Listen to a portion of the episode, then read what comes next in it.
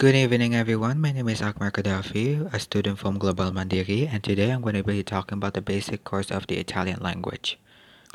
First of all, I just want to say I apologize in advance if my pronunciation of the Italian words are incorrect or inaccurate. I'm still new to this language and I'm still learning as well. I'm just going to explain the, the ones that I've learned from my teacher. Let's start with the simple vocal alphabets. Pretty easy. A, E, I, O, U. Now that's out of the way, let's start with words this time. First one is cercare, cercare, and the second one is macchina, makena. In the word macchina, there is a C and an H together, but it's pronounced ki, like in Cucchiano. Other pronunciation like Z is S, T and S combined, like in colación. Now it's time to use multiple words. Un gelato means ice cream, and due gelati means two ice cream. The differences between gelato and gelati is gelato is for singular purposes, whereas gelati is for plural purposes. But there's also a word where it doesn't need to be changed for it to be plural, such as cafe. Un cafe means one coffee. Due cafe means two coffees. Now for the pronunciation when we're in a conversation. When it comes to a yes or no type of question, yes is C, whereas no is the same thing, no. Bene means good, whereas bad can use either male or cattivo. And when we're greeting someone, eh, we, they, I mean they, they usually use ciao, which can means two meanings, hi and bye. Other basic greetings that is used in daily basis such as good morning, buongiorno, use early morning to lunchtime, buonasera, good afternoon or evening, use after lunch until bedtime, and good night, buona notte, buona notte, sorry, use right before bedtime.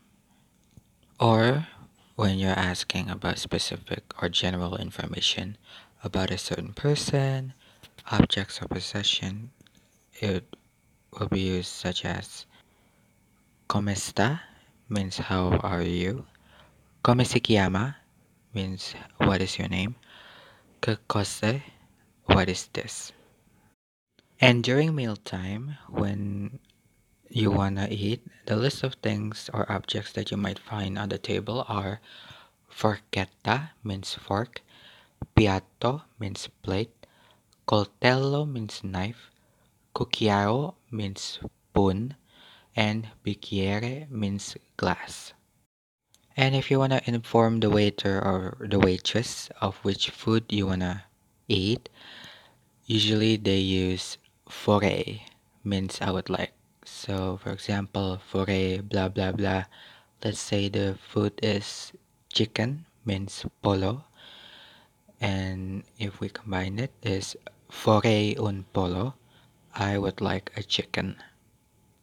And if you want to confirm the waiter or the waitress of which temperature of the glass you order, or a glass of water, let's say, un bicchiere di acqua per favore means a glass of water, please.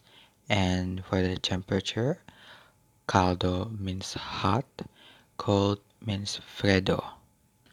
Though I'm not sure whether people actually drink hot water often on daily basis.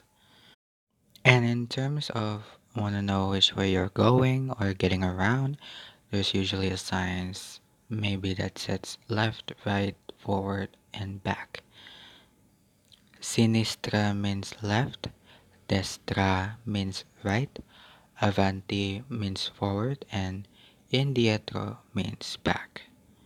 And when you want to know where's the bus stop or when you're genuinely lost, usually they use Dove l'autobus means where is the bus or Dove sono where am I?